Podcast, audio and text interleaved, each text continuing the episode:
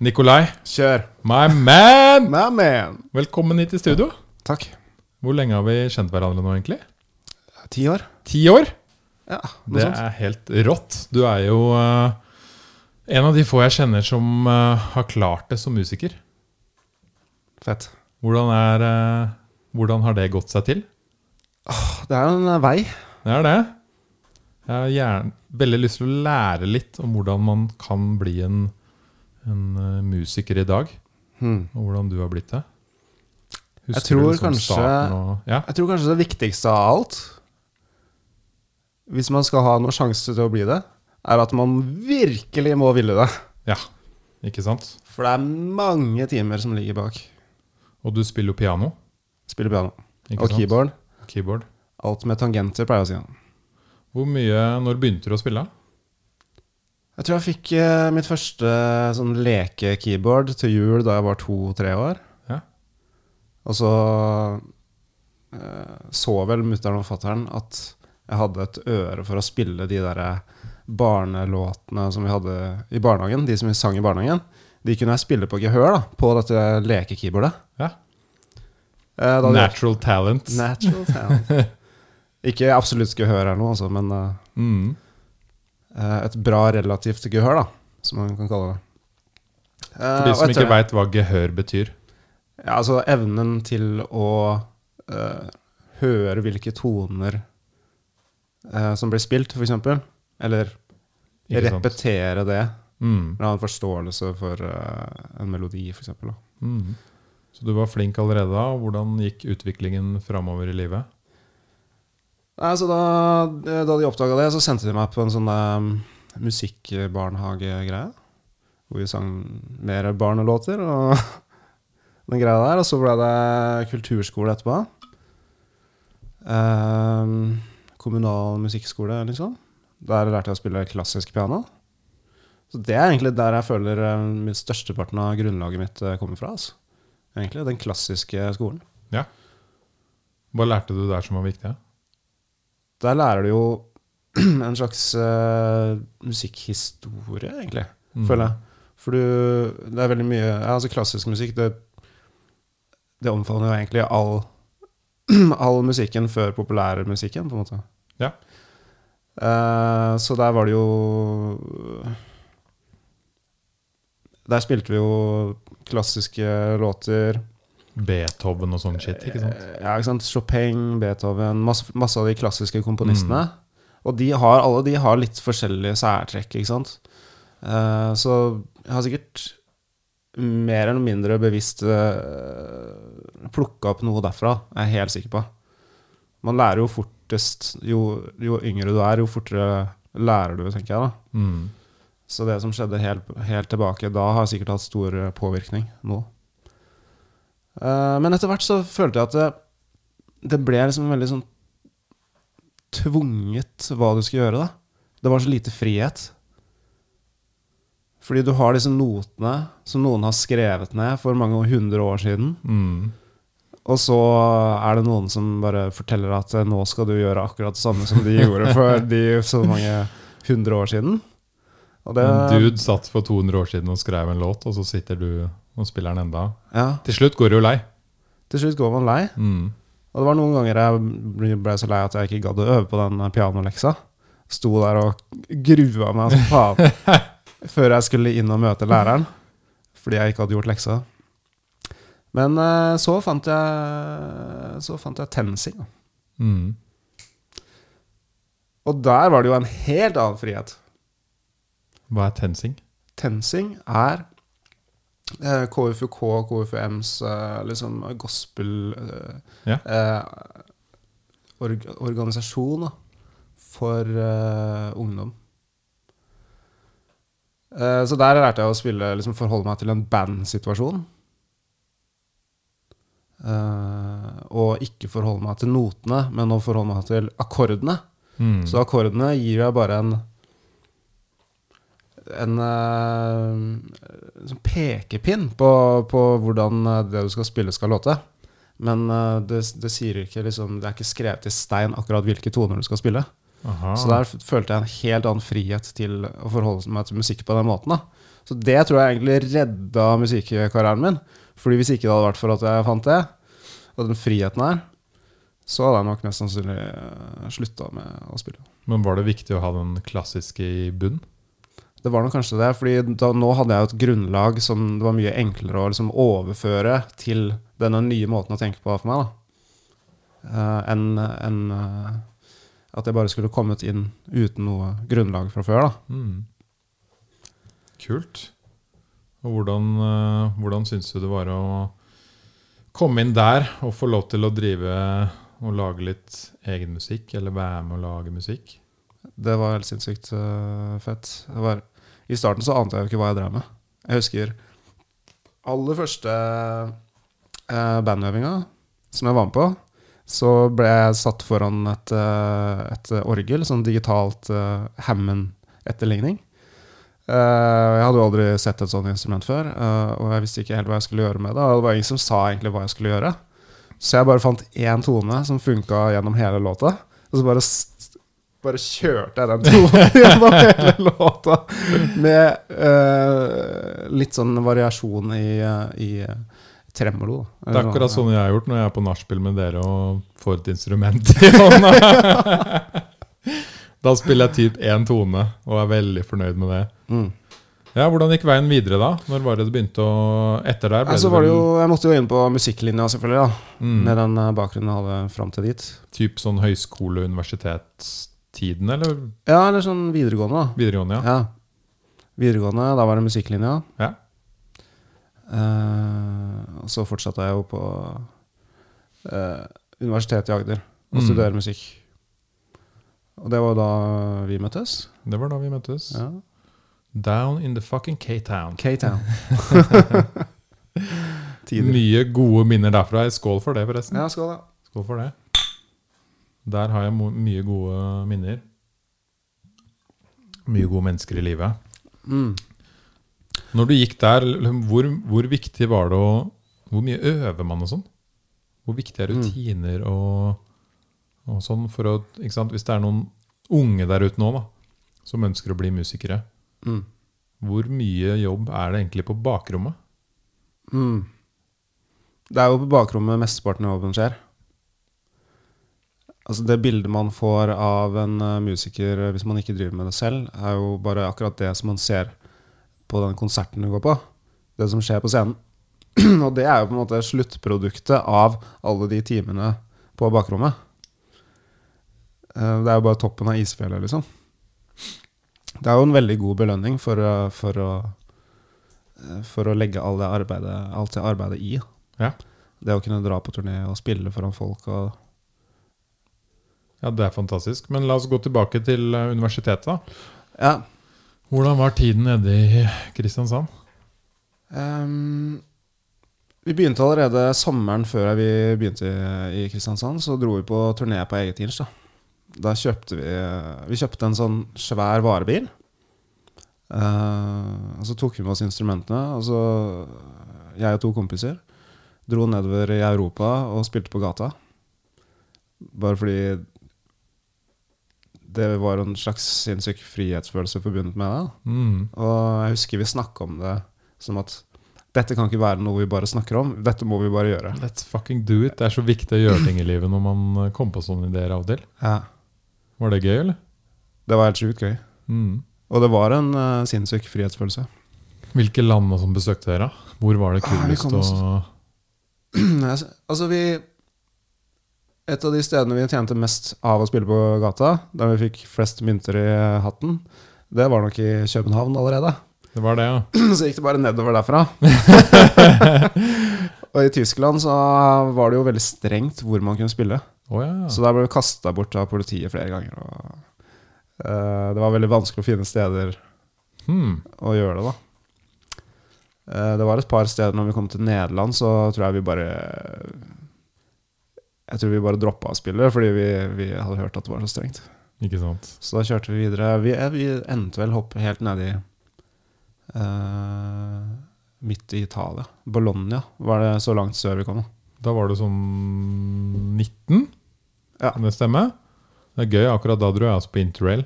Du gjorde det? Og vi dro, jeg og en kompis, vi tok tog fra Oslo til Istanbul. Og det var eh, Det er sånne Fett. ting man egentlig burde gjøre også når man blir litt eldre. Ja, jeg har aldri vært på interrail, men jeg har veldig lyst til å prøve. Ja, men eller sånn, ikke sant, enten sånn tur som du hadde, eller jeg hadde. da. Det er Mm. ekstremt givende, og du møter jo sykt mange interessante folk. Mm. Opplevelser og svog og All right. Ja, men uh, interrail, da. Interrail, Jeg, har- jeg er sykt gira på å dra på interrail en gang sjøl. det er noe man burde hive seg rundt og gjøre. ass. Man tenker liksom at ah, ferie, da må jeg ta fly, og så må jeg ha hotell. Men det er egentlig de tingene man kanskje ikke burde. Mhm. Burde holde seg unna de tingene. Mhm. Hvordan var, eh, Hva fikk dere ut av den eh, turen før universitetet? da? Nei, Bortsett fra at det var, en, uh, det var tre uker med liksom, å gjøre det vi likte mest. Det var å spille musikk, og uh, samtidig så reiste vi sammen med noen av våre beste, beste venner da, på den tida. Uh, Nei, det var uh, Det var en slags uh, Jeg følte det var på en måte startskuddet. Mm. For da, nå hadde jeg allerede Jeg visste at jeg skulle inn og studere musikk i Kristiansand. Og med en gang du tar det et sånn valg, så har du på en måte Da vet du hva, hva du sikter deg inn på, da. Hadde du en drøm, eller? Når du liksom søkte på det studiet? Hva var drømmen? Drømmen var hele tiden å jobbe som uh, musiker.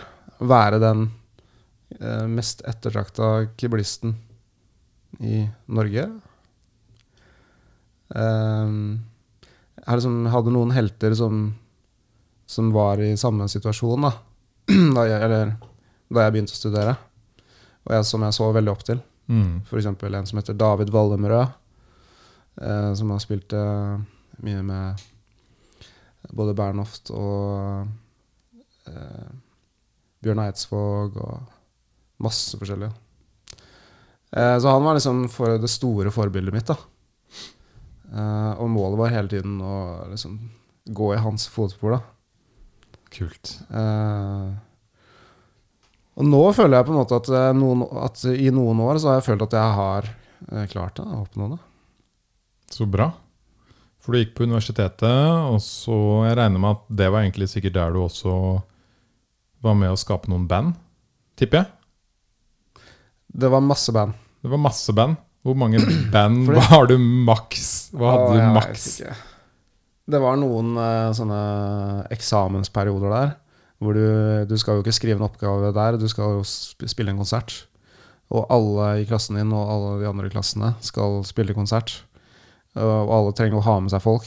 Mm. Og jeg hadde hele tiden strategien min var å ikke si nei til noen ting. Være med på alt jeg kunne. så det var noen sånne eksamensperioder hvor jeg, hvor jeg husker at jeg hadde tatt på meg så mye at jeg bare kunne ønske at jeg kunne grave meg ned og voks, våkne opp igjen i, liksom, ute i juni, når alt var ferdig. Men da lærte du sikkert jævlig mye òg. Jeg vet ikke om jeg faktisk noen gang har lært å si nei, ass, Nei. egentlig. Ikke sant? Du er ikke en nei-mann. Nei. Du er en uh, yes-dude. Men jeg tror altså det er noe av grunnen til at jeg har klart det. da. Mm. At jeg had, hele tiden hadde den strategien. da. Fordi eh, ja, åpner man én dør, så kan man kanskje åpne to nye etterpå. ikke sant? Ja, og så bygger du nettverk. Nettverk. Du bygger opp tjenester, Mm. eller karma. Mm. Eh, du eh, For nettverk er en av de tre viktige tinga som man må ha. mm. Det er liksom, Du må ha det, du må kjenne folk, ha et nettverk. Um, nummer to, du må eh, Du må jo spille bra. Og da må du øve. Da må du øve. Og så nummer tre, du må også være omgjengelig. da. Du må kunne tilpasse deg og være en ok fyr. Ja, for det regner jeg med at du møter jævlig mye forskjellige folk. Og da må man jo alltid tilpasse seg forskjellige Mm. typer og personligheter og settinger og situasjoner og stress og alt det der. Mm. Eh, hvordan gikk det mot slutten av eh, universitetstiden, da? Ja, på slutten der så, så husker jeg at uh, jeg gikk på master. Uh, siste året på master, det er da du skal liksom virkelig sette inn støtet og skrive faktisk en oppgave. Um, Da skulle dere plutselig skrive. da skal det plutselig skrives. da skal du skrive en ekstremt svær oppgave på sånn gjerne 60-80 sider. Da. Problemet mitt var at jeg, jeg var interessert i så mye. Mm. Jeg var interessert i tusen ting som handla om musikk, men egentlig ingenting som jeg var, hadde lyst til å skrive 60-80 sider om. Det tror jeg alle masterstudenter sliter med. Ja. Eh, men så fikk jeg tilbud om å komme til Oslo litt og være med å spille inn en uh, skive, da. Eh, med Emilie Nicolas. Det var liksom før hun eh, Jeg tror eh, Jeg vet ikke om hun hadde bestemt seg for at hun skulle hete det en gang, som artist. da. Eh, det var helt i begynnelsen av det prosjektet. Og det er jeg veldig glad for at jeg gjorde i stedet. Fordi hvis jeg hadde blitt igjen og skrevet eh, 60 sider om et eller annet jeg var litt interessert i, så tror jeg ikke jeg heller hadde klart å komme dit jeg er nå, da. For det Det og akkurat det, og at jeg ble med å spille inn den skiva, det åpna veldig mange dører etterpå. Nettopp. Da det ble en suksess. Kult. Men Mm. betyr det at du droppa masteren? Eller skrev Så du den senere? Så jeg skrev aldri ferdig masteren. Du skrev den ikke ferdig, nei? Jeg begynte vel egentlig aldri. jeg hadde mange ideer om hva jeg skulle skrive om. Men, eh, og jeg gjorde alt, eh, all undervisninga. Jeg spilte Konserten spilte jeg, fikk veldig bra resultater på den. Men oppgava gjorde jeg ikke, da. Det er så weird at du fokuset er musikk i mange år, og så skal du plutselig skrive. Jeg begynte jo der for å bli musiker. Mm. Så jeg tror jeg jo gjorde det rette valget til slutt uansett. Selvfølgelig. Du har jo klart det. Ja. Så det er det ikke noe tvil om. Men eh, det er jo helt rått. Og jeg husker jo når jeg hang med deg i Kristiansand, så hadde du jo veldig mange band. Det er jo sikkert også litt Altså, jeg regner med at Jeg vet ikke hvordan fordelingen er på instrumenter, men det er ikke så mange som spiller piano eller keyboard Nei, Eller? Vi prøver å fordele det ut litt jevnt, da. på skolene. Men jeg tenker mer sånn generelt inn i band, og det er vel en litt mer ettertrakta eh, I popmusikken i dag så er jo synt og keyboards en, et drivende element, da. Absolutt. Så, og kanskje ja, i ofte i større grad enn uh, mange andre instrumentgruppene. Så det er kanskje derfor det Det har også sikkert uh, bidratt til at jeg kan eh, drive med det jeg gjør nå. Mm. Uh, hadde det vært gitar som eh, var det drivende elementet akkurat nå, så kanskje det ikke hadde vært noe jobb til meg. ikke sant? så man skal jo være på rett sted til rett tid. Da. Dette her er sånn typ seks-syv år siden? Ja, noe sånt, ja. Noe sånt? ja eller jeg, det, ja, 2014 begynte vi Det var da vi lagde Eller 2013 og 2014 lagde vi første skiva med Emilie. Ja. Og hvilke andre band spilte du på den tiden som på en måte du fortsatte med? Eller dere, var det noen band du fortsatte med i mange år? Det var noen band som vi fortsatte litt med, men som ja, Som vi egentlig aldri fikk, fant tida og overskuddet til å gå videre med skikkelig, da. Før nå, egentlig. Før nå? Ja, fordi eh, koronasituasjonen ja, har jo gjort eh, Altså frigjort ekstremt mye tid. Mm. Fordi akkurat nå så er det veldig få konserter og arrangementer der ute. Spesielt eh, på stø, den størrelsen som de artistene jeg spiller med, sikter seg inn på. Men la oss fortsette til vi kommer dit. Altså du, Etter universitetet så begynte du jo å spille rundt omkring. Ja. Så da, da åpna jo det Emilie Nicolas åpna jo noen dører. Fordi jeg, da fikk vi også et eh, nettverk, da. Um, og så endte vel det med at vi Jeg og Eivind, da, som, uh, som også er en av de gutta som var med på roadtrip, uh, spille på gata-tur Mm.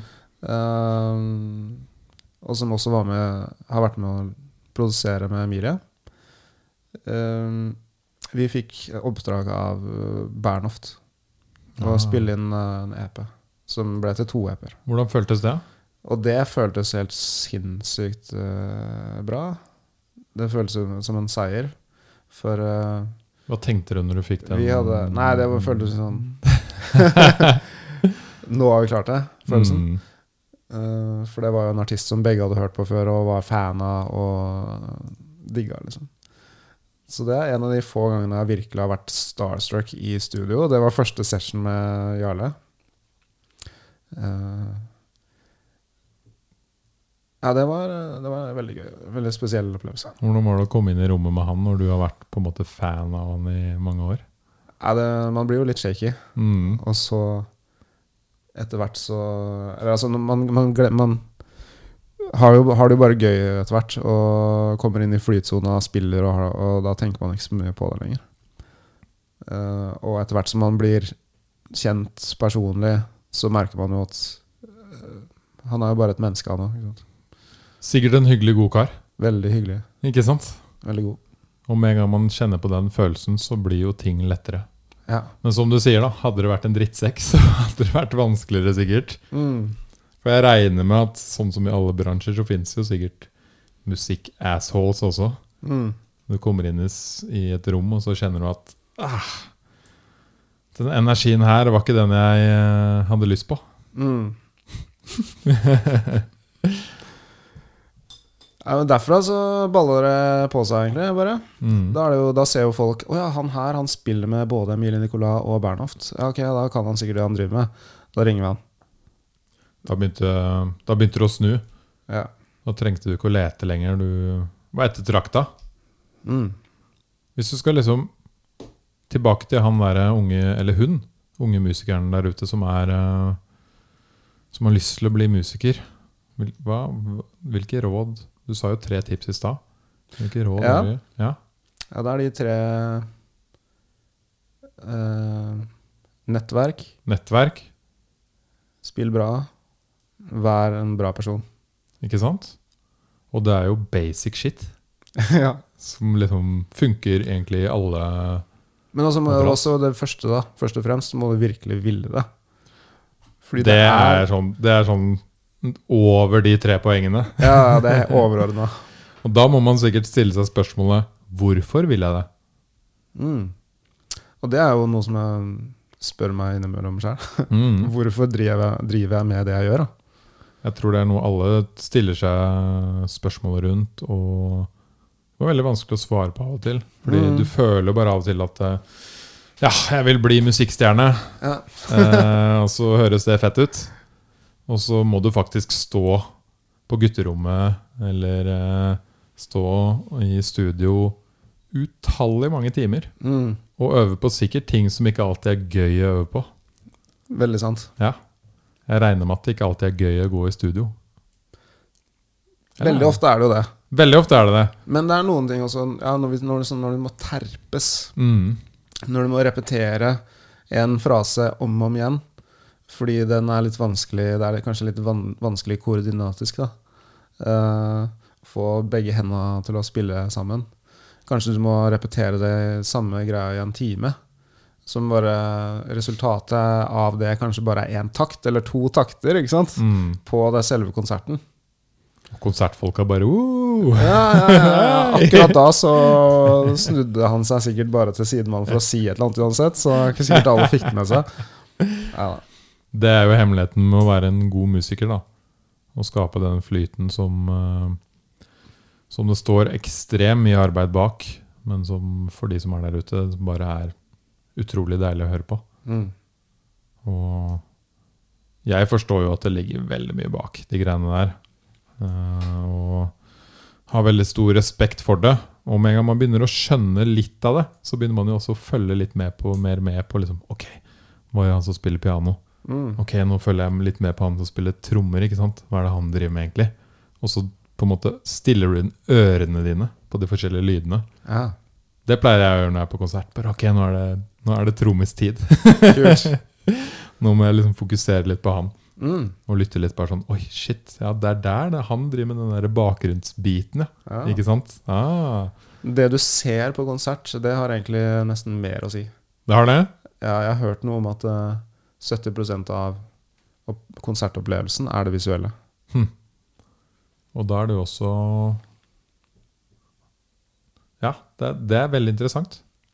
Og 70% av det du hører eh, 70 av fokuset ditt når du hører på musikk med vokal, f.eks.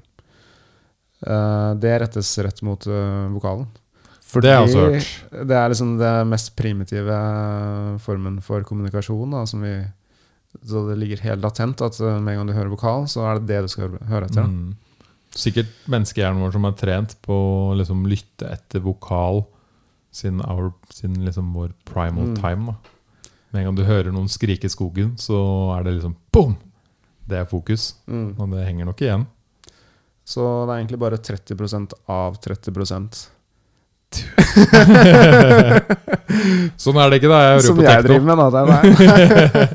Der er det ikke så mye vokal, nei. Nei, ikke noe vokal. nei. Så All fokus på musikken. når det kommer vokal, blir jo alle confused. Det er bare sånn Mm. Hva skjedde nå? nå falt jeg helt ut. Kanskje det er det jeg skal begynne å lage? Ikke sant? Nei, men det er jo utrolig Utrolig interessant. og Jeg visste absolutt ikke det. Men det er jo kult å vite når du står på en konsert. For da, hvis du vet sånne ting, Mm. og er uh, bevisst på det, så er det også lettere å fokusere på andre ting. da. Mm. Jeg tror også det er derfor det er veldig mange av de største artistene som satser så mye på sceneshow. da. Og liksom leier inn sinnssyke lyspakker. Uh, og bruker masse tid på å programmere det lyset på forhånd. Uh, og liksom lage en sånn helhetlig performance, da. For du går hjem med et mye bedre inntrykk av konserten hvis man Hvis artisten har klart å tenke helhetlig sånn. Mm. Ja, det, det er også noe vi har prøvd på raves. Ja. Å ha det visuelle som en sånn tilleggsting. da Som Mm. liksom Og det er veldig annerledes på et raveparty og en konsert. ja. Fordi et rave er mer sånn du lukker øynene og går inn i deg selv. Mm. Mens konsert er mer sånn opplevelse du observerer, og så tar det inn. ikke sant? Jeg vet ikke helt forskjellen, men, men Ja. Det er en forskjell her. det er det. Og Rave også fokuserer mer på dansing, kanskje. Så, ja, det, det så pub på, publikum vil kanskje være mer delaktig i selve performancen. absolutt. Og man har absolutt ikke noe behov for å på en måte se på DJ-en. Nei. Heller bare se andre vei, kanskje. Folk står liksom alle veier. Mm. Det handler jo veldig mye om ekstremt mye om frihet, da. Ja. Raves. Å liksom bevege seg, ikke bli dømt, og, og danse til en beat, egentlig. Mm. Følge en beat. Og, Det at hele rommet danser i samme tempo, mm, det gir jo sikkert en fellesskapsfølelse òg. absolutt, det gjør det. Og det er vel det mange liker med raves. Og, Mm. Men det, det er også derfor det er så viktig for meg også å gå på konserter. da. Sant? Det er også en likhet. Mm. For ja, både en likhet og en ulikhet. Det er liksom sånn der, Jeg liker å gå på konserter, for da fokuserer jeg mer på musikerne og hva Mm. de gjør, ikke sant? Mm. Og hører uh, musikken Og ser og hører musikken de skaper. På rave går jeg her, heller mer for å være med mine venner og være i mitt eget hode. Mm. Og liksom flyte litt bort og danse og være fri og den delen der. Og så er det ofte jeg har vært på konsert, og på slutten av konserten bare ah, Nå skulle jeg vært gått på et rave. Skjønner du? Fordi du får så mye energi på slutten av en konsert av og til Mm. som du ikke får frigjort. Sant, det. Og da er jeg bare sånn ah, hva, hva skal jeg gjøre med den energien? Det var helt rått. Nå må jeg egentlig på rave. Alle konserter burde slutta med rave. Ja, og det har vi prøvd Ja. noen ganger. Å arrangere sånn uh, uh, jazz- eller frijazzkonsert som flyter over i en, en slags tekno-rave etterpå. Mm. Som har funka ganske bra. Men tilbake til deg. Fett. Altså De to siste årene Vi har til og med vært naboer. Det har vært helt sinnssykt uh, gøy. Jeg flytta ut til gamlebyen og bare Hei, hva, hva faen? Er det Nico Du som går her? Samme blokka. Ikke sant? Samme blokka. Og, og så bor vi liksom Altså, du bor i døra ved siden av meg, Mm. men uh, vi har jo ikke sett så mye til hverandre, for du har jo reist helt sinnssykt mye de siste to årene, kanskje? Tre? Mm. Hvordan har det vært å liksom være på turné og den pakka der? Da? For det er jo Ja. neste nivå. Ja. Ikke sant? Du var student, du ble Ja. musiker, du begynte i band, og så plutselig bare Jobba på for å komme dit, og så plutselig er man der. mm, Plutselig er du inne i drømmen. da Ja. Du er, du er inni den. Og det har vært Ok, Jeg f- jeg før, før det må vi ta okay, på- en øl. Sånn, vær så god. Ironisk nok så drikker vi selvfølgelig korona i dag. Cheers. Skål.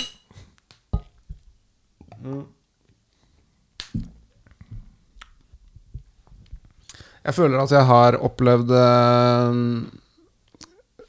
Altså like mye som jeg hadde drømt om å gjøre i to livstider, liksom. Det er jo helt fantastisk.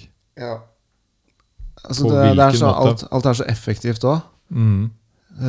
når uh, turneerne er lagt opp sånn at du spiller konsert. Du går på um, Du går og legger deg på bussen, og så våkner du der du skal spille dagen etter. Så plutselig har man tre-fire timer å slå i hjel i en by som man ikke har hørt om. Fett. Uh, og som du egentlig ikke visste at du skulle til, kanskje. For du Ja, bare sikkert ikke hadde på planen de neste årene, egentlig. Ja, ja. For uh, Ja, noen ganger så har jeg, for å være helt ærlig, ikke visst hvor jeg skal når jeg Mm. møter opp på Oslo S, liksom.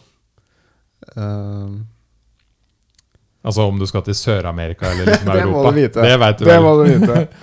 Er det shorts, eller er det Men uh, for eksempel når vi har vært og reist med Sondre Justad, da, mm. så er det du veit at vi bare Vi reiser bare i Norge fordi det eh, Det er jo Han synger jo på norsk. Ja. Um, Men hvilke byer og sånn Men så får du kanskje bare vite at ok, ok, møter, bussen møter på operahotellet Opera da og da. Bare vær der, så Det er det eneste du trenger å forholde deg til. Det er jo litt digg òg. Litt Mm. gøy. Og bare wow, det var gøy, Bergen wow, i dag, ja. Hva er det råeste stedet i Norge du har spilt, da? Råeste stedet. Eller altså beste opplevelsen, da? Om det er rått, Mm. intimt, koselig. Jeg kan like å spille for eh, et stappfullt rom med 300 like mye som liksom en svær arena med 15 000. For det, det er noe med den intimiteten og liksom den der energien som bare står i taket. I, i, når, det, når forholdene blir lagt til rette. Eh, men jeg vet ikke, jeg må si Kanskje Stavern i fjor var noe spesielt. Det var også et av de største publikummene jeg noen gang har spilt for. da Det var Hvor mange 22 var det? 000. Eh, Festival? og da var vi på turné med en pakke som vi hadde liksom øvd på kjempelenge og var stolte av. Og alt eh, funka fra A til Å. Den og over Oslo, kanskje, da, med Sondre i fjor, det var jo veldig stort. Og så kanskje Så husker jeg spesielt Øyafestivalen i 2014. Den første virkelig store konserten vi gjorde med Emilie. Mm. Det var også veldig spesielt. For da Ja, da var jo Emilie fortsatt en up and coming artist. Du visste ikke, folk visste ikke helt hvem det var. Men det var, hadde blitt en slags hype. Så plutselig så samla det seg 6000 i det teltet som det var plass til 4000 i. liksom Så folk sto liksom bakover skråningen bak teltet for å få plass. Hvordan føles det?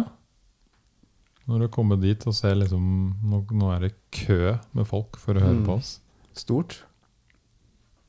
Føles stort. Ja. Hvordan er det før konserten?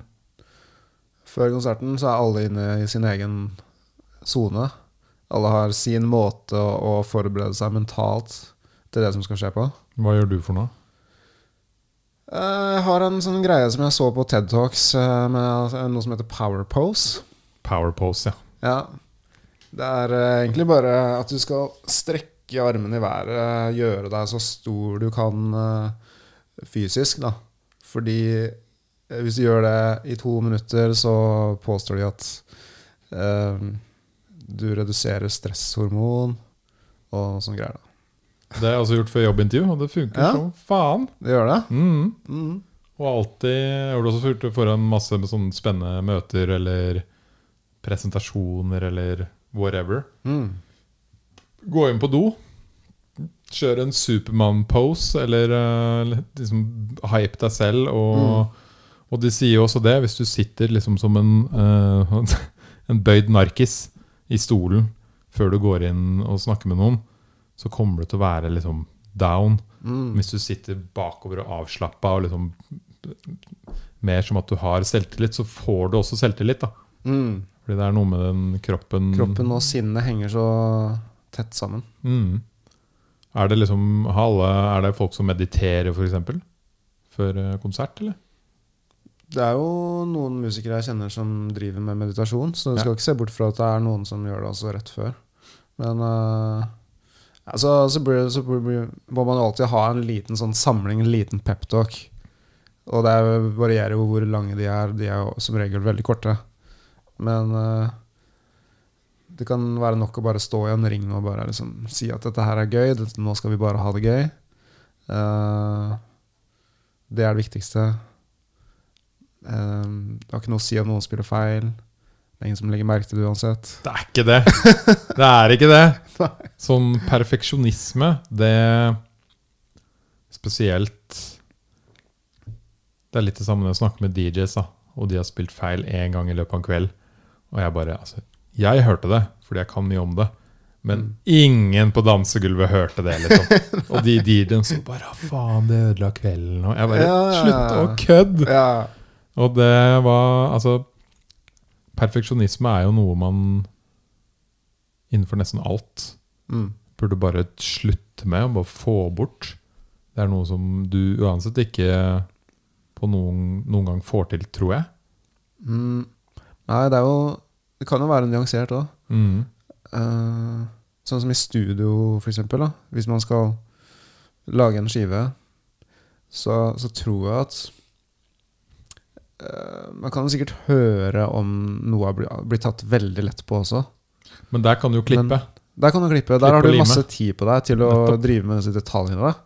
Men på en uh, konsert, så det har jeg jo først lært meg i senere tid, å faktisk ikke bry meg om du spiller feil. da. For, eh, for fem år siden så kunne én feil i starten av en konsert ødelegge hele min opplevelse for resten av den konserten. Det er akkurat som jeg ser på DJs. Ja. Jeg ser de spiller en feil, og så blir hele ansiktet deres forandra, Mm. liksom. Og så ser jeg bare faen, det der tar stor plass i hjernen deres nå. Mm. Det er noe som eh, nesten de burde undervist eh, i, på, på skolen. Eller på musikkstudier, liksom. Ja, men det er ikke bare innenfor musikk. Nei. Ikke sant? Det er eh, det å jakte etter perfeksjonisme innenfor alt. Det kommer bare til å gjøre at du føler at du feiler, ikke sant? Mm. Og selv om det blir jo litt samme, selv om du hører på en CD og den høres perfekt ut, så regner jeg med at altså, Det er jeg nesten helt sikker på at det var ikke første opptak, for å si det sånn. Mm. Og det har vært mye klipping, og det har vært mye redigering og testing på nytt. Og liksom Ja, det var kult, men la oss prøve det her, så blir det enda kulere, ikke sant? Mm. Og så til slutt så ender det opp med et bra resultat. eh, og som man forhåpentligvis er fornøyd med. Mm. Og så må man si sånn Ja, nå er vi fornøyd. Mm, ja. Og det er veldig vanskelig å vite Mm. når man skal si stopp. Fordi det er jo ikke noe fasit altså når du går i, i studio og skal lage musikk. Så er det ikke noe fasit på hvordan det egentlig skal låte til slutt. Så det betyr at man egentlig kan holde på evig. Da. Du kan det. Og det er sikkert det samme hvis du maler, da. Da kan du male oppå hverandre, oppå hverandre, oppå hverandre. Nei, ok, Mm. den barten var litt skeiv. Nei, ok, du må ha et øye til på den personen Mm. der. Og det er noen ganger jeg hører på gamle opptak og vri meg litt uh, fordi jeg ikke er helt fornøyd med det jeg hører. Men så må man også tenke at det bare Det var sånn det var da. Det var en dokumentasjon på hva som skjedde akkurat der og da. Og det er egentlig ikke noe mer. Og det er så bra, fordi det også som er uh, litt av poenget med f.eks. en fan, da, eller noen som lytter på deg, det er jo de også vil høre at du blir bedre. ikke sant? Mm. De hører det. Ok, det var CD nummer én. Det var stor forskjell på den og CD nummer fem. Mm. Jeg liker fortsatt CD nummer én, Ja, men jeg har hørt at det utvikler seg. ikke sant? Og de, de har gjort ting annerledes. De har Mm. bytta ut noen greier. Bytta ut noen sounds. Nå er, det en, nå er det en helt annen greie, men Mm. begge, begge ting var Begge CD var fantastisk på hver sin måte. ja. Og det Man må ta ting for det der, da. mm. Og det er mange musikere jeg kjenner som liksom øh, Jeg snakka litt om det før vi, når vi møttes i stad. Som lager en CD, og så venter de noen måneder. Så går det litt tid til, og så vet de ikke hvor de skal gi den ut, kanskje. Og innen den tiden de egentlig er klare for å gi den ut, så hører de på den på nytt, og så er de ikke fornøyd. Mm. da har det gått et år ikke sant? eller to. Mm. Bare sånn Nei, det kunne vi gjort bedre. Mm. Men fakta er at hvis de hadde gitt den ut øh, når de var fornøyd nok, og heller latt folk høre på det Folka hadde jo vært kjempefornøyd. Ja, ja. Fansa hadde vært dritfornøyd. Det er jo bare disse fine musikknerdene som sitter på Å, faen, den lyden der var litt feil. Og jeg kjenner meg så godt igjen. mm. For det, når jeg lager musikk selv, så er det ofte sånn det ender. At jeg, jeg lager ting, og så tenker jeg at ja, det passer ikke helt inn med det andre som jeg lagde. Det er veldig mange sperrer da, som gjør at uh, jeg aldri tør å slippe det som jeg lager på egen hånd. Mm. Ja, det kan jeg virkelig forstå. Det blir jo som å gå ut av eh, komfortsona i livet. Når du reiser, eller når du hopper Mm. inn i en ny jobb, eller når du skal møte en ny dame på date, eller whatever. Det er Ja, liksom, Åh, her sitter jeg med mitt og mine ting, og det er litt skummelt å gå ut av det. ikke sant? Mm. Men når jeg har jobba sånn som jeg har gjort de siste åra, så har jeg alltid liksom stått bak noen. Da er det litt enklere. For da er det ikke til syvende og sist mitt navn som, som uh, blir liksom utsatt, da. Hvis det skulle komme noen kommentarer eller Mm. uh, noe, så, så føler jeg meg ikke like personlig truffet. Uh, Og det vil alltid være noen shithead-kommentarer der ute, uansett hva du driver med. Ja. Alltid. Du kan lage verdens beste låt. Det vil alltid være en liten Liten sånn troll på YouTube eller en liten jævel som elsker å skrive dritt, ikke sant? Mm. Og terge. mhm. Og de folka må man jo bare drite i. Jeg er helt sikker på at det kommer noen av de på den podkasten her etter hvert òg. Sånn er det bare. That's the game, ikke sant? Sånn Mm. er det når vi holder på med internett og musikk og podkast og alt mulig. Mm. Så vil du alltid ha lovers og haters. Jeg føler jeg snart liksom er klar til å ta det steget sjøl. Ja, med å lage din, Nå snakker du om å lage egen. Altså, Egen, en egen du, ting. du er the boss. Mm. Du vil lage din egen musikk. Ja. Det har vært eh, Det har vært gøy å jobbe med Altså, jeg digger å jobbe med andre. Og jeg er veldig interessert i hvordan liksom, gruppedynamikk fungerer, eh, avhengig av om man bare er to, eller om man er tre, eller om man er fire eller fem. Eh, men jeg har ikke utforska så mye det å bare være aleine og lage alt aleine. Eh, så jeg har blitt litt interessert i det i det siste. Og nå tror jeg snart jeg er klar for å ta det steget. da Yes. og bare gjøre det og gi det ut. Eh, selv om jeg kanskje Selv om det kanskje er skummelt. Bare gjør det. Jeg var på en konsert Eller jeg har vært på to år. Hva heter han? Det er en tysk kar som spiller både piano og masse synthesizere. Og han har vært i Norge i to, tre, fire år nå. Du vet hva jeg mener? Nils Fram? Ja. Der har du en kar som har naila det alene. Altså, Ja. Halve publikum sitter og gråter liksom når han spiller Mm. Han er helt alene. Han har masse sjukt fete keyboard og Det er helt sykt. Faren min er en sånn hifi, eh, ordentlig hifi-dude. mm. Og jeg bare ok, nå tar vi og tar noen pils, så ser vi på Nils fram. Og begge satt der og ble helt rørt og liksom Å, shit, det her er Han er helt vill! Mm. Og han tar deg med på en reise, da. Han, altså, Ja. Det er sånn Det minner meg litt om tekno, Ja, ja, det er absolutt noen teknoreferanser der. ikke sant? Og han drar deg litt sånn som når du går på en teknokveld, så er du med på en reise fra start til slutt. Hvis det er en god DJ, ikke sant? så starter den litt rolig, og så bygger den opp, og så er det Mm. kanskje litt mer klimaks på toppen. Et eller annet som det er, det er som et eventyr å være med på. Historiefortelling er key. Absolutt. Og akkurat det Nils fram òg. Mm. Plutselig kommer det noe dyp bass, og du bare wow. Mm. Oppå klassisk musikk, ikke sant, som samtidig drar inn i noe elektronika, og da snakker du liksom next level shit. Mm. På alenefronten, da. Ja, ja, ja. Mm. Og det, det er ikke sikkert at jeg kommer til å bli en ny Nils Fram. Jeg må finne min greie, da. Men Alle må finne sin liksom, greie. Ja, jeg vet ikke helt hva det skal være ennå, men eh, jeg har liksom trua på at det kan bli noe kult. Det er jo det viktigste på sånne ting er jo å ha troa, Mm. og jobbe hardt for det. Du må virkelig ville det. Og så tror jeg også at uh, man har fordel av å liksom uh, Både fort spille i band, men også sette av tid til det. da For da lærer du av begge tingene. ikke sant? Som Mm. du sier, du lærer alltid noe av å spille i band, og har spilt klassisk, og har vært med på den reisen. Og samtidig vil du også lære veldig mye av å spille alene. Mm.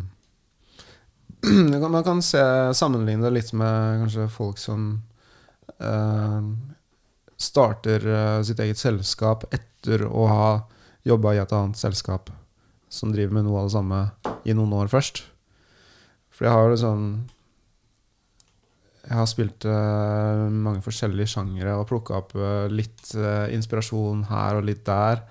Og føler at jeg kan sette alle, alle preferansene og referansene som jeg har tatt med meg i bagasjen nå, sammen til noe nytt og spennende. Da. Nettopp det. Og det Jeg tipper Nils Fram også har spilt i mange band. Ikke sant? Helt sikkert.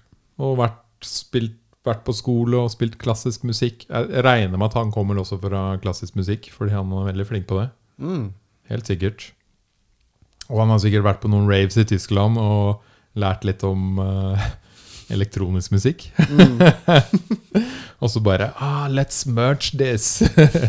let's make some magic. Yeah. Ja, men det er kult, da.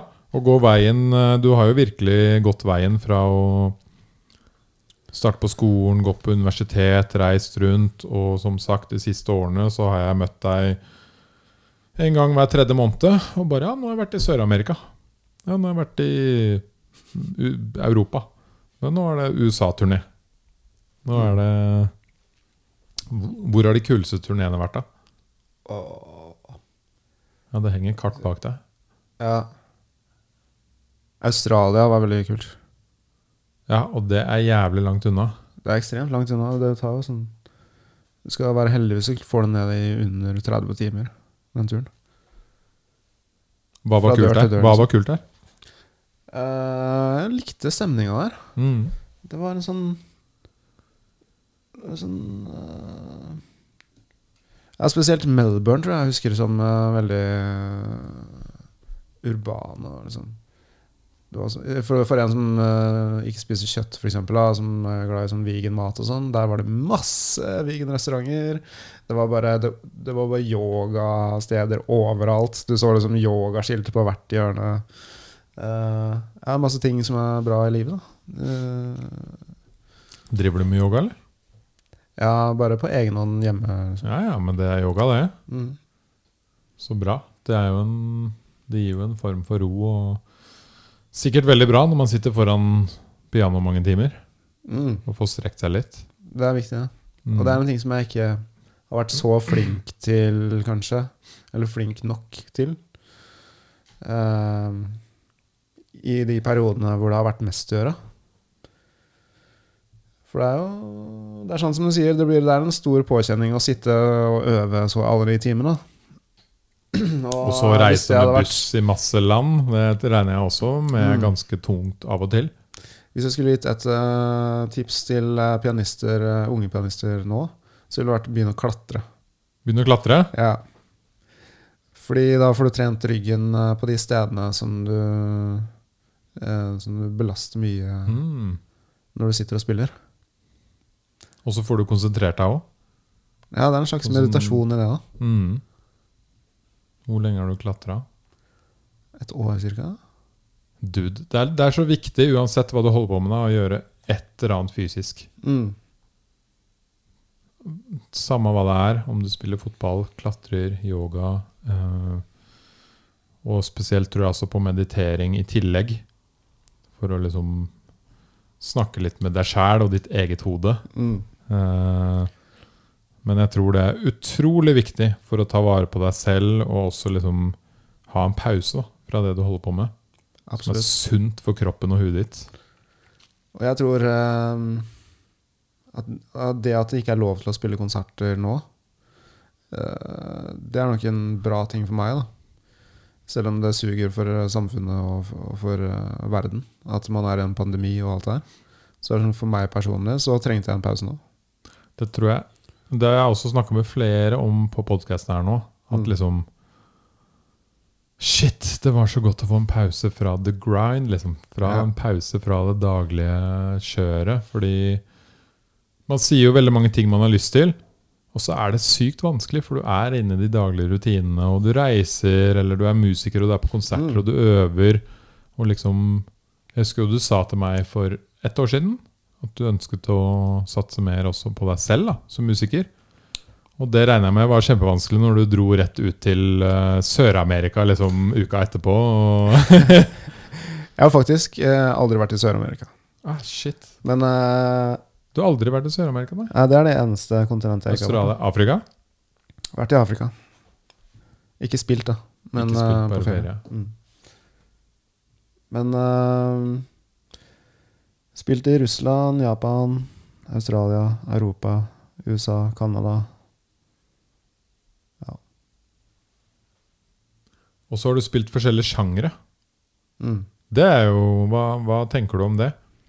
Jeg, som jeg så vidt eh, var inne på i stad, så, så tror jeg det er en, en veldig styrke jeg har, da. Den allsidigheten. For um, jeg har alltid tenkt at man kan finne inspirasjon i alt, da. Hvis man bare velger å se de rette tingene. Se på de rette sidene av det du ser på. Ehm, selv kanskje en sjanger som jeg egentlig ikke pleier å høre på, fordi jeg kanskje ikke føler at det treffer meg i mitt hjerte, liksom. Hvis jeg hører noe som jeg tenker at ved første ørekast så, så, så er dette noe som jeg ikke hadde satt på selv, eller liksom Uansett hva det er, så klarer du å finne inspirasjon i det. Du klarer å finne et eller annet som er kult eller fett i det, uansett hva det er. Eh, jeg tror det er en fin approach å ha, spesielt hvis man skal gjøre masse forskjellige ting, da. Sånn som Jeg, jeg har jo vært inne på masse forskjellige sjangere. Mm. Jobba med masse forskjellige ting, og da Det har jeg alltid, alltid klart å finne inspirasjon i alt.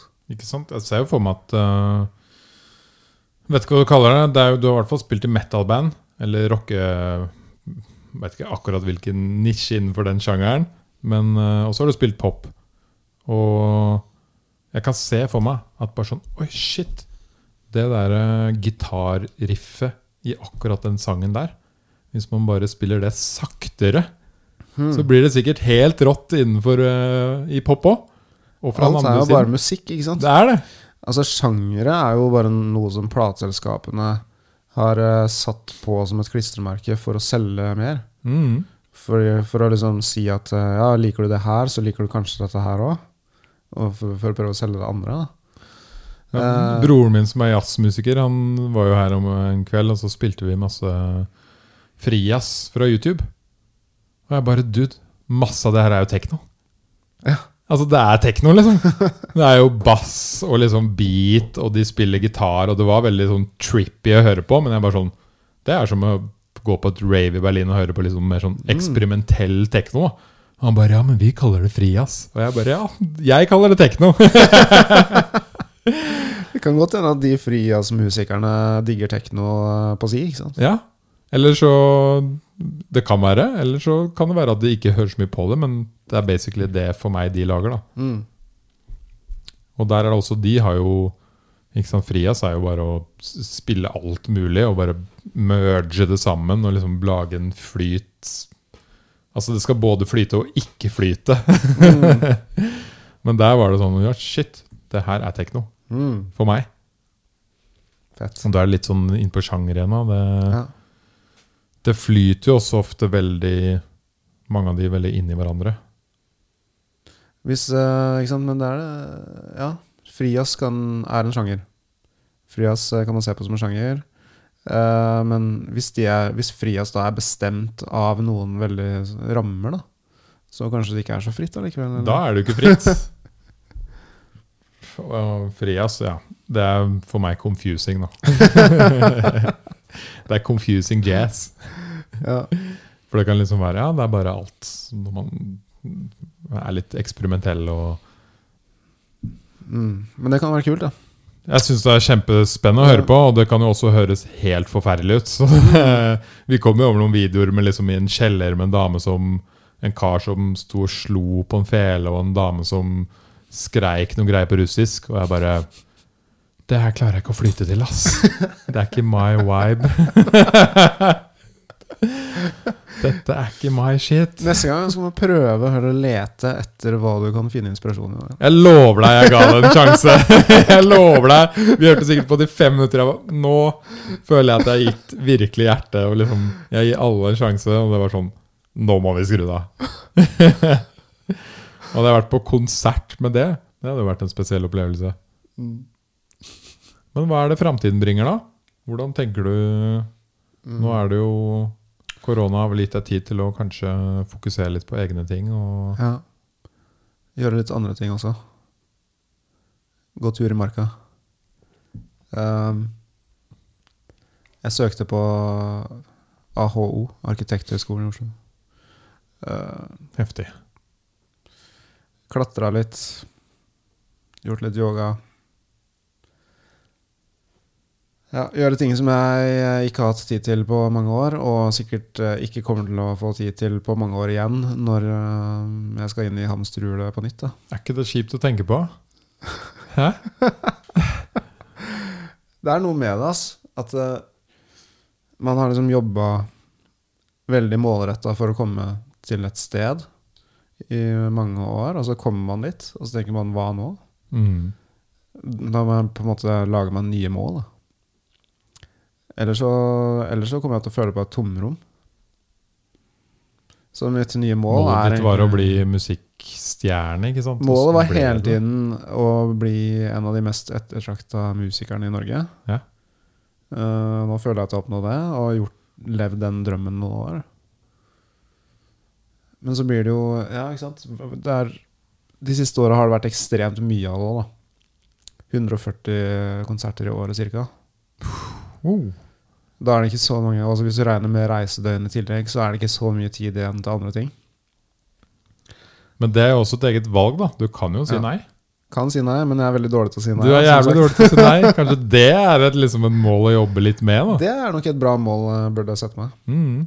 Si litt min, eh, mer nei. Og kanskje ja, prøve å gjennomføre det, dette egne prosjektet, da. Det er jo to dritbra mål. ja. Men for å gjennomføre prosjektet ditt, så må du også lære å si nei. Mm. Men et nei må jo ikke være Jeg føler jo mer man vokser, jo mer lærer man å si nei på en god måte. Da, fordi man tenker på seg selv. Mm. Hva er best for meg? Mm. Og selv om kanskje de hadde hatt veldig nytte av deg som pianist i et band, så kan det være at du på en måte hadde tapt mye. da, Fordi du, du får ikke oppnådd ditt nye mål. Kanskje. Og jeg tror kanskje musikken eh, kan bli bedre av det også. Eller sånn Jeg har alltid hatt tro på at man hele tiden skal prøve å lage det man selv syns er kulest. Ikke tenke på hva alle andre skulle ønske at du lagde. Fordi jeg tror folk har en slags sjette sans for, for det, da. Uh, hvis folk prøver for hardt, rett og slett, å please noen. Mm. Så derfor så har jeg alltid hatt det som eh, mål uansett. Så bare lage det du syns er fetest selv. Og når man jobber i en gruppe, så må du alltid gå på kompromiss med de tinga du selv personlig syns er fetest. ikke sant? Selvfølgelig. Eh, så jeg tror kanskje det er derfor jeg liksom Jeg føler at tiden er inne nå. Da jeg er moden nok Du er jo det. til å, til å gjøre det. Mm. Hva slags type musikk er du på lage? Hva heter det? Jeg driver, prøver å finne meg selv nå, Ja. musikalsk. Men siden jeg, Det er siden jeg har så mange evig reise. Siden jeg har så mange Siden jeg har så mange liksom, påvirkninger fra så mange forskjellige ting, så er det vanskelig å vite det. Det er som jeg snakka om eh, i forbindelse med masteren. Jeg er liksom interessert i tusen ting. Mm. Mm, Men jeg tror du ikke de tusen tingene kan bli liksom din ene ting? Jo, helt sikkert. Din sjanger? Det er det det skal bli. Fuck sjangere. Fuck hva alle andre tror. Det blir din ting, og så Ja. får du se, så kanskje man digger det. Ja. Og kanskje det blir kult. Mm. Og det er jo som å starte alt. Altså Man må prøve, man må feile og lære. ikke sant? Mm. Og man må gå ut av komfortsona og bare Shit, skal jeg virkelig begynne å spille det her, liksom? Eller er jeg fornøyd med det her? Mm. Mm. Det er helt rått. Men du er også en kar jeg har sett på som en ganske for så vidt ganske sunn musiker, da. Med tanke på at du på en måte har kjørt sånn ikke sant, yoga, klatring, vegan. Hvordan har det vært å være vegan i musikkverden? Mm, det går som regel bra. Er det Fordi- mye vegans i, inni Det blir flere og flere musikere som går den veien. Og så er det, når man kommer opp på det, det nivået som vi holder på med nå, så er det jo heldigvis et apparat som sitter der og organiserer alt på forhånd før man skal ut på tur. Sånn at eh, det eneste jeg trenger å gjøre for å få servert vegan mat på tur, er å si at det har jeg lyst til. mm. Så det er jo Du kan fokusere luksus. kun på musikken, da. Ja. Det er jo veldig digg. Mm. Og veldig bra. Men det har ikke alltid vært sånn. Altså. Der, der kommer alle disse timene inn igjen. eh, som, og det at du virkelig må ville det. Vi var, dro jo på sånn Jeg husker Mens vi studerte, så dro vi på turné med en Rent a Wreck. eh, og spilte på sånne bitte små kafeer. Og folk, vi kom til liksom kafeer som vi hadde en avtale med. Så De hadde glemt at vi skulle spille der, så de hadde dobbeltbooka seg. Nei. Plutselig var det to band som skulle Plutselig ble det festival inne på den stakkars lille kafeen. Vi hadde ikke noe sted å bo, og vi måtte gå ut og danse for å Det er jo den skitten der man eh, lærer og vokser av. Ja. Ikke sant? Du kan ikke hoppe rett into the fame. Du må ha jobba deg fram dit. Mm. Tror jeg, da. Og ingenting kommer gratis. Nei. Det er alle som på en måte har kommet til et sted i livet eller oppnådd et mål, de har jobba for det. da. Mm. Vi hadde jo en treningskar innom her, og han sa bare Aldri la deg lure av de adsa og de tingene som sier at du kan liksom få en snarvei til en sixpack, eller en snarvei til en trent kropp, eller en snarvei til god kondis. Mm. Det er bare å get out and do it, liksom. Mm. Over tid. Det er ikke noe, det er ikke noe hemmelighet. Det er bare sånn det er. Mm. Du kan bole, men da tar du konsekvensene ettertid, ikke sant? Nå blir du fort Ja. svær, men du tar også konsekvensene. Ja, ikke gjør det. Ikke, nei, nei, det er det jeg mener. Du burde ikke gjøre det, for det er konsekvenser. Ja. Uh, så det fins ingen snarveier, og man må jobbe hardt for å komme dit man eh, vil. Men som du sier, da. Du må ville, Mm. og du må ha det gøy. Mm. Du må ha det fuckings gøy. Og så kommer det kjipe dager. Mm. Du får det alltid en, det er alltid en regnværsdag og en, en dag hvor du våkner og bare ah, det her orker jeg ikke. Og da er det liksom ta en liten pause, og så get back on the train, ikke sant. Mm. Men ja, har det skjedd noe sykt da i disse reise... Du har jo reist mye, du har møtt mye musikere. Mm. Er det noen sånne historier som har blitt fortalt, eller Det var en episode vi hadde eh, ute på en øy som heter Sørøya i Finnmark. Så var vi ute og spilte på Sørøyrocken med Sondre Justad. Eh, Så skulle vi ut på en fiskeskøyte og spille liksom et par låter akustisk der. Eh, mens de skulle ha med et filmteam som skulle filme det. da til, eh, Og bruke det til eh, som sånn promo til festivalen. Og da hadde de med seg en sånn sinnssykt svær drone da, som skulle ta flyfotoer liksom, av fiskeskøyta mens vi lå der ute ved et sånt der fuglefjell. Og det var ekstremt idyllisk. Altså. De hadde til og med ordna sånn trøorgel da, som jeg skulle spille på. Eh, så- Altså, det høres ut som en kjempedyr investering. Ekstremt dyrt. Mm. Um, altså driver eh, drona og flyr Den går plutselig litt lavt, og vi ser sånn Skal den gå så lavt? Og plutselig så lander den i vannet. Oi. Og så ser jeg alle blir litt sånn stopper opp litt sånn Hva skjer nå? Og så ser vi den bare Og så hører vi fra han derre kamerateamlederen bare Faen i helvete, fram fiskestanga! Og da var det fram med fiskestanga, prøver å få tak i den, men innen de hadde kommet så langt, og så var jo ikke den å se lenger, den drona. Shit. Og den kosta sikkert 200 000 Ah. eller noe, Fy faen. så det er jo sykt dritt. Uh, Jeg var også på en festival i fjor med, hvor det var eh, droneopptak. Og den kjørte altfor nærme liksom, over dansegulvet. da Oi. På en sånn fjellfestival jeg var på i Barcelona. Og der sto det vel 1000 folk og dansa. ikke sant? mm. Og så kom den akkurat sånn ok, Kanskje det var fire meter over hodet, da men du hørte den, så det ødela liksom musikkopplevelsen. Uff. Og det tok sånn Altså, den kom og gikk et par ganger. Og sånn fjerde gangen eller noe, da var det sånn Ok, nå er folk dritlei. Og da begynte de å hive ting på den. ikke sant? Ølglass og alt nei, mulig. nei, nei, ikke gjør det! Få bort den jævla drona! Vi har ikke lyst på den. Og da endte det med at noen traff den drona, og den bare kjørte rett inn i skogen. Ok, ja, Det var bra den ikke kjørte rett inn i folkemengden, da. Ja, det var det. Men det var, det var heller ikke en sånn 200 000. Ok, Men det var sikkert 10 000, da. Men det var greia, altså, da, da først denne 200 000 kroners dronen hadde landet i vannet og var forsvunnet Fordi den hadde liksom, de hadde mista kontakten. da Og da skulle den jo bare gå tilbake og lande der den hadde starta. Men det var jo på en fiskeskøyte, og det beveger seg jo. Så, den, så det var jo ikke på samme sted, ikke sant? Eh, når, de første først hadde brukt så mye penger på dette her, Mm. så skulle du i hvert fall ikke komme hjem tomhendt. Så da var det rett opp med telefonen og bare sånn Å, Knut, du må komme her med helikopteret nå, vi må ta en flyfoto. Og så plutselig kom det helikopter som skulle ta film, filme oss i stedet, da. Ja. ja, det er bra. Jeg liker folk som ordner ting, Ja. selv om det går gærent. Altså Av og til da er det liksom går ting til helvete. Mm. Men det fins alltid en løsning. Ja, ja, det Det er i hvert fall sånn jeg tenker. Jeg har fortsatt ikke sett den filmen, faktisk. Den må du jo finne nå. Ja.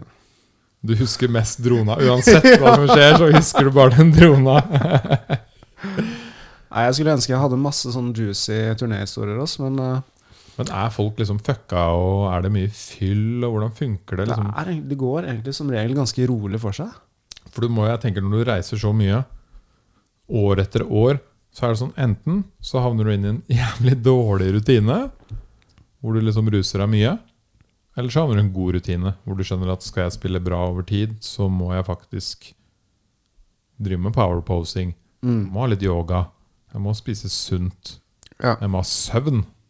Søvn Hvordan er er det å sove på de der bussene? Funker det bra? Jeg sover som en baby ja, på de. Men det er ikke alle som gjør det, uheldigvis. Uh, jeg har et ekstremt godt sovehjerte generelt. da Det regner jeg med kommer godt med. Ja, Og den, eh, den motorstøyen fra bussen det funker bare som en sånn Summelyd. hypnotiserende summelyd. Ja. Mm. Og så blir du vugga litt i søvne av svingene. Ja, det, det kan faktisk funke til sin fordel. Men det, er også litt, eh, det kan være litt skummelt iblant å tenke på at du ligger der uten sikring på motorveien. Jeg husker jeg var uh, i Peru for to år siden. Da tok jeg nattbuss opp til eh, området hvor Machu Picchu er. Mm. Og våkna og bare ah, Utrolig digg. Og bare våkna liksom, Jeg hadde sovet hele veien. Tok en sovepille og bare ikke sant? Når du kjøper sovepille i utlandet, da sovner du stort sett ordentlig. Mm. Og våkna opp og bare ah, Nå er jeg liksom i Cusco Nei, jo, jeg tror det er Cusco som er like ved Machu Picchu. Og så kom to av vennene mine etter meg. Og de, jo, de hadde kjørt på dagen. Og de bare Dude, veit du hvor jævlig skummel den bussturen der var? og du kjørte på natta og chille'n på natta. Og vi kjørte på dagen og hadde grisenoia hele veien. Så etter det tenkte jeg bare sånn Ja, nattbuss er tingen. Ikke ta noe annet. Nattbuss er det shit, liksom. Ja, ja, det er noe bedre. Det du ikke vet, har du ikke vondt av. Ikke sant? Og så snakka jeg med en enda en kompis som hadde kommet hit et par år etterpå der igjen. Og, og tatt buss opp i de eh, samme fjellene der. Og da hadde bremsen på bussen ryket. For den ble så varm. Det er så varmt der. ikke sant? Mm. Så du måtte bare kjøre inn i fjellveggene for å bremse. Nei. Ja.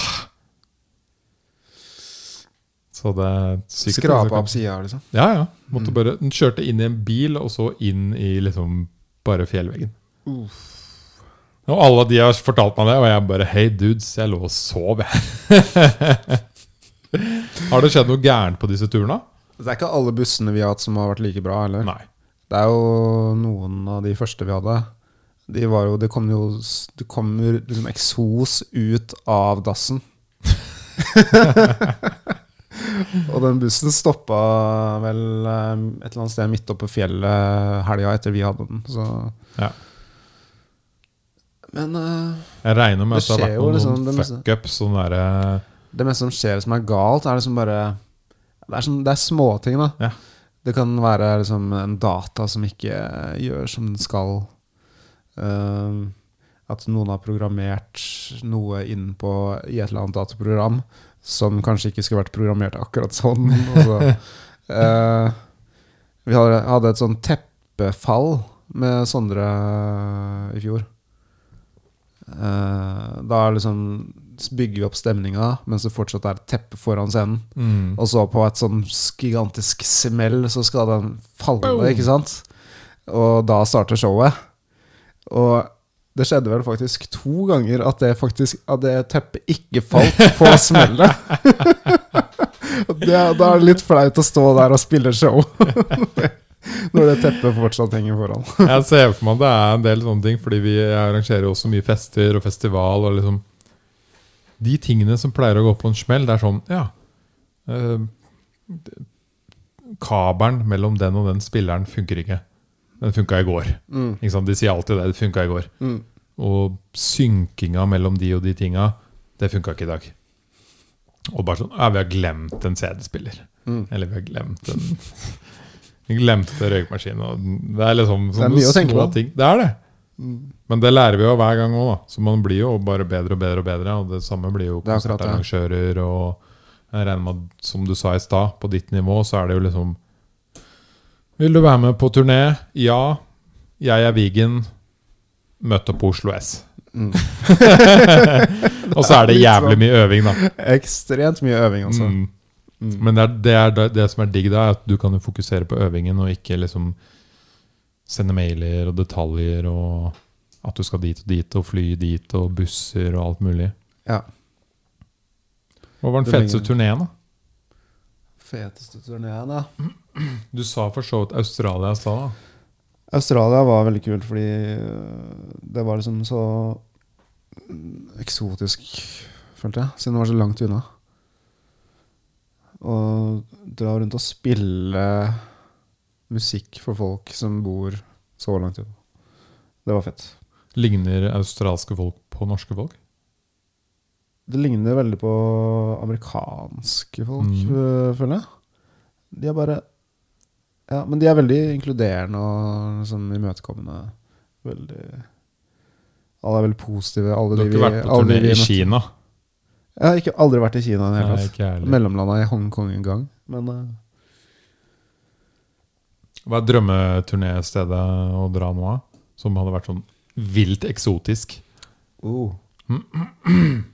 Jeg må si at Norge er kanskje det beste landet å turnere i, egentlig. Ja, her alt funker er- jo alt. Alt funker, alt det tekniske er på stell.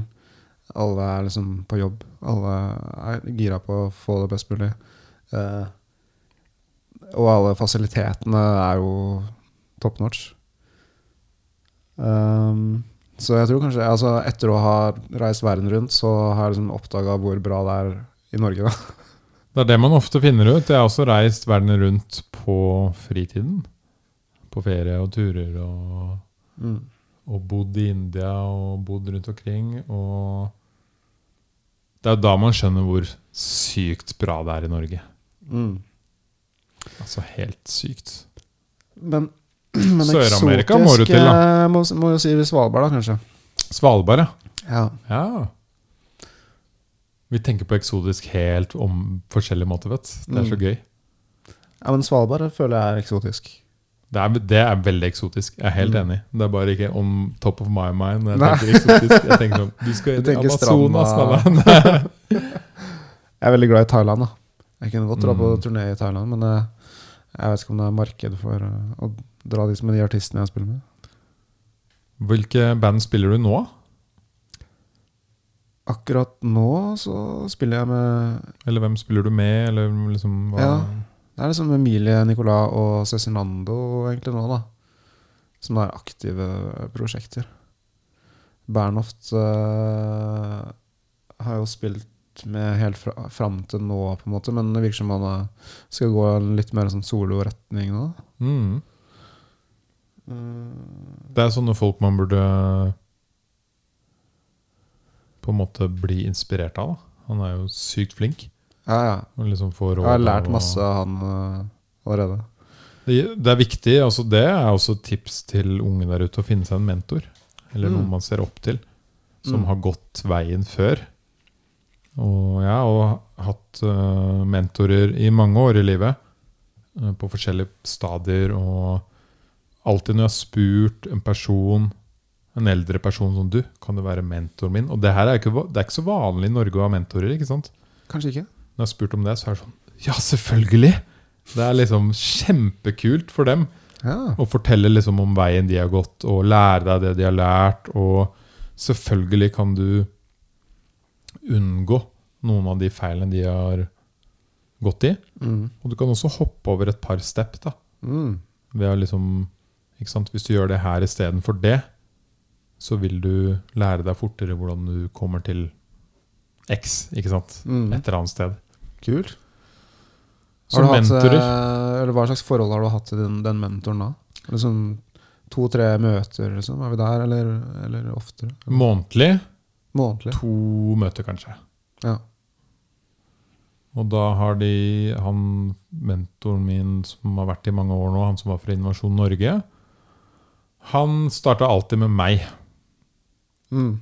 Første mentortime vi hadde, da spurte han hva gjør deg glad? Og så sa han det er det eneste vi skal snakke om i dag. Mm. Og det Kul. snakka vi ikke om én gang, vi snakker, vi snakker om det enda. Og det er liksom et sykt viktig spørsmål å stille deg. Mm. Også når du finner ut hva som gjør deg glad. Jeg ga jo han en liste. Her, Mm. disse tingene gjør meg glad. Mm. Og han bare Ok, kult at eh, det gjør deg glad å dra på ferie og arrangere kule raves, trene og alt det der. Hvorfor gjør det deg glad? Mm. Ikke sant? Det holder ikke å bare si at de tingene gjør deg glad. Du må grave mer ned. da Mm. Og liksom dig down, dig deeper. Finne ut hvorfor det gjør deg faktisk glad. Mm. Og så på den andre siden, ikke sant? det var livet, og jeg må være glad for å gjøre det bra, da, basically. Mm. Og på den andre siden så var det på den mer sånn eh, profesjonelle jobbsiden. da. Hva driver du med? Hva ønsker du å holde på med? Hva er karriere for deg? Og er nok absolutt en av inspirasjonene både til at jeg har starta Monument, Mm. og at jeg starta podkast i dag. Og han sa jo for mange år siden at uh, man må bare hive seg ut i det og kjøre på, liksom. Mm. Og støtte meg 100% Og det som liksom Å ha en sånn person i ryggen, selv om man ikke er der så ofte, Mm. det er ut, utrolig verdifullt. Og det å liksom kunne ringe en sånn person når man, når man føler man har truffet veggen, da. For det kommer til å skje. Mm. Det er også ekstremt verdifullt. Veldig kult. Mm. Jeg har hatt en slags mentor i pianolærerne, som jeg har hatt opp igjennom, da. Kan man se det på. Eh, Men det, jeg ser absolutt eh, verdien i det, ja. Mm. Og da regner jeg med at den mentoren liksom Ja, tok sikkert litt ekstra vare på deg, da, eller ga deg noe ekstra liksom Litt ekstra tid og energi. Ja, absolutt. At du følte at wow. Noen av de beste timene jeg hadde, var vel altså pianotimene jeg hadde. Um, Det var jo ikke nødvendigvis de vi satt og spilte mest, det var jo de vi satt og snakka om eh, alt mulig annet. Ja, Eller nettopp. de Altså Gjerne sånn musikkrelaterte ting, da, men eh, Mm. alt, det, alt det som skjer rundt musikken, er jo like viktig, på en måte. Det er jo det. Mm. Og de rådene du ga i stad, det handler jo like mye om på en måte hvordan man skal være som selve musikken. Mm. Det sier seg selv at man må holde på med musikk, ikke sant? Eh, Eller du må spille noe for å holde på med musikk. Det, er, det sier seg. Men hvordan du skal være som person, og hvordan du må øve mye, og all den greia der, der kan man garantert finne seg en god mentor. Eller man kan kalle mentor veldig mye forskjellig, da. Mm. En god lærer, ikke sant? Ja. En god um, et eller annet. Noen som kan gi Noen som har gått løypa før deg, og levd et, et liv før deg. Og inn, innenfor din bransje så er jo det da noen som har klart å bli musiker. ikke sant? Som Mm. du sier, du hadde jo et idol når du var, begynte på universitetet. Mm. Og du kunne sikkert gått til han og sagt sånn Hei, du er idolet mitt. Mm. Kan ikke jeg lære av deg? Jeg burde sikkert eh, gjort det også. Ja, For kanskje sånn. han kunne ja, geleida meg på riktig vei. Mm. Så hadde han nådd målet enda fortere. Ja, ikke at det alltid er det viktigste, men eh, jeg tror det er et veldig godt råd til eh, folk der ute. Og jeg, man trenger ikke å være ung for å få seg en mentor. Eller en lærer. Nei. Det trenger man ikke. Og den personen kan til og med være like gammel som deg, men bare ha på en måte gått en annen løype og klart noe du ser veldig opp til. Mm. Eller ha ekstremt gode ikke sant? Hvis man vil begynne med trening, finn en jævlig trent person. Og spør han, dude, eller hun, hva er det du gjør? Gi meg råd og tips. Kan Mm. jeg bli med deg på trening? Kan du lære meg trening? Det er da du liksom hopper over ti steg, ikke sant? Mm. Du hadde selv brukt lang tid på det. Jeg har veldig troa på den tilnærminga han mentoren din eh, kjører med å liksom fokusere på hvilke ting som gjør deg glad. Mm. og hvorfor det gjør deg glad. Det viktigste, i livet, det. viktigste i livet er jo å være glad. Mm. Og jeg vet ikke om jeg fikk svart egentlig på det i stad da du spurte om altså, Eller da vi snakka om hvorfor spiller jeg, liksom. Mm. Men uh, jeg tror nok det er fordi Det er da jeg er i flytsona, liksom. Det er når jeg spiller og holder på med musikk og lager og er kreativ, da, generelt. Det er da jeg føler at jeg er i flytsona. Tiden kan bare Eller det er som om jeg mediterer, da. Mm. Tiden bare flyr, og så har man det gøy, og så Det er jo det man kaller flow state. Ja. Hvis du har lest om det før. Jeg har hørt mye om det. Mm. Det er jo en, en, en state hvor du på en måte gir slipp og faller inn i noe. Og som du sier, da, all tid og alt annet blir bare på en måte viska bort, og du får en ekstremt god fokus. Mm. Og bare det bare flyter, det du gjør. Og for å komme inn i det, så må du ha trent en del, ikke sant? og du må ha jobba for det. Mm. Men plutselig en dag sitter det, og du bare sitter og spiller piano og bare Wow! Nå funka det endelig! Mhm. Nå setter jeg sammen ting jeg har lært hele livet. Som jeg har lært litt der. Jeg har spilt pop, jeg har spilt rock. Bare oi, oi! Alt jeg har lært, begynner å funke i fingrene mine. Mm. Plutselig fil ja, så faller uh, brikkene på plass. Mm. Men det er heftig kult, da, Nikolai. Det var jo på tide at uh, Det er jo du som har lagd introlåta til podkasten nå. Tenkte faen, du må jo komme Yes, på besøk. Hæ? Ja, det var hyggelig å bli invitert. Ja. Det er Og- første gangen jeg er, har noe slags form for intervju, siden jeg hadde intervju på Joggensport i 2008, tror jeg. Så det er, dette er ikke intervju, da. Det er en, en, en hyggelig prat. Mm. Ja. Og hvis, eh, hvis det er noen uh, gira folk, unge musikere eller noen der ute, som uh, f.eks. har lyst til å spørre deg om noen råd, da. er det sånn de kunne sendt deg en melding og liksom Hei, Nikolai. Dude. Absolutt. Hvor, hvordan, hvordan finner de deg? Er du på Instagram eller et eller annet sånt? Instagram, for eksempel. Nikolai TS heter jeg der. N-I-C-O-L-A-Y-T-S. Det holder, det. Da Ja. finner folk deg. Og ellers så håper jeg jo du vil komme tilbake hit en dag. Kanskje har vært på en tur. Det hadde vært fett om du kom rett etter en, liksom, en turné Mm. med den energien. Ja, ja. Og kommer rett hit og bare boom! Nå er- føler jeg meg ganske chill. Ja, nå er vi superchill. Nå har jeg hatt fe- ferie i fire måneder, så Ikke sant? Jeg har jo møtt deg rett etter turné òg, hvor du løper rundt og er Det er et adrenalin som man ikke får noe annet sted. Det kan jeg tro. Hopp i fallskjerm? Jeg har ikke prøvd det, da. Men, men jeg har ikke hatt noe behov for det heller, pga. alle konsertene. Tusen takk for at du kom hit i dag, my man. Takk for invitasjonen. Og vi ses igjen snart. Og husk å sjekke ut eh, Nikolai på Instagram, og også meg sjæl, Hennings Verden. Og det er alltid bare å ta kontakt hvis dere trenger en klem, eller eh, trenger noen råd, eller vil være med på podkasten. Vi snakkes igjen neste uke. Hei, hei!